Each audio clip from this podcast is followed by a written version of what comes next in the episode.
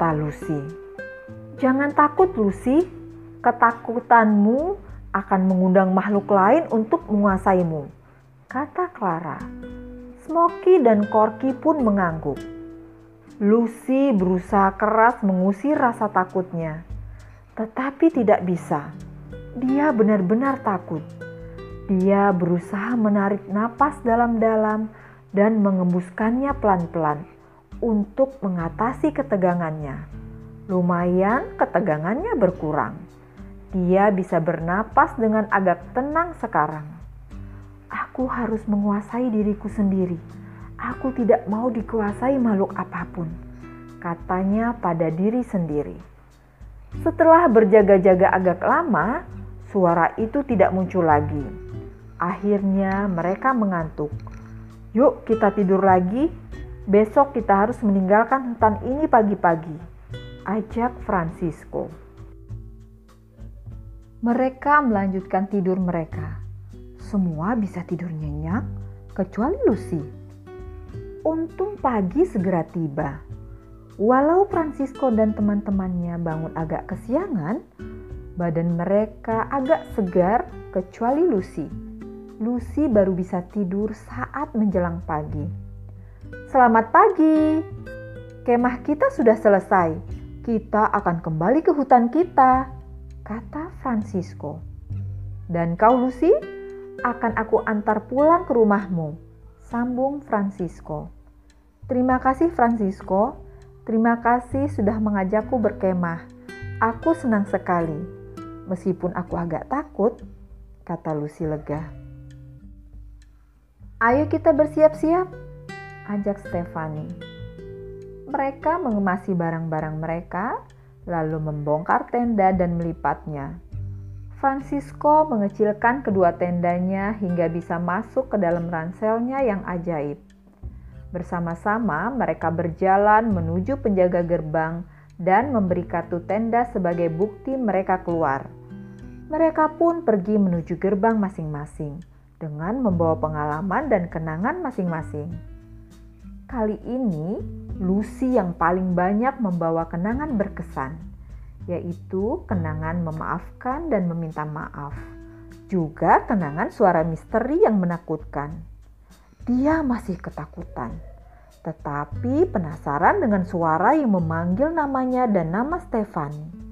Siapakah dia? Apa maksudnya? Kau ingin tahu? Ya, Lucy ingin tahu. Ayo kita dengarkan kisah Francisco selanjutnya. Misi rahasia. Suatu sore, Lucy berjalan-jalan di hutan. Tiba-tiba, dia mendengar lagi suara orang misterius yang memanggilnya di hutan peri. Lucy, Kali ini Lucy berusaha menghilangkan rasa takutnya. Dia ingin tahu siapa pemilik suara yang selama ini mengikutinya. Hai, siapa sebenarnya kau? Teriaknya kepada suara itu. Akhirnya kau menjawabku, Lucy. Aku menunggu-nunggu kau menjawab panggilanku. Mengapa kau selalu mengikutiku? kau bermaksud menakut-nakutiku? Itu tidak akan pernah berhasil. Tantang Lucy dengan suara gemetar. Sebenarnya Lucy sangat ketakutan. Tetapi dia tidak mau kalah. Dia menarik napas dalam-dalam, berdoa dalam hati, aku berani.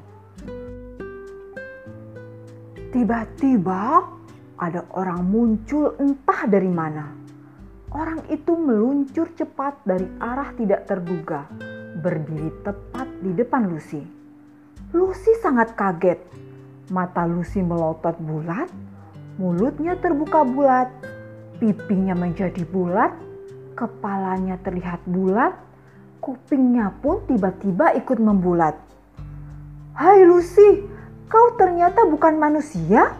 kau memiliki kekuatan seperti kekuatan tukang sihir yang bisa mengubah dirinya sendiri. Lihat, wajahmu berubah menjadi bulat semua, kata orang itu. Aku bukan penyihir, jawab Lucy.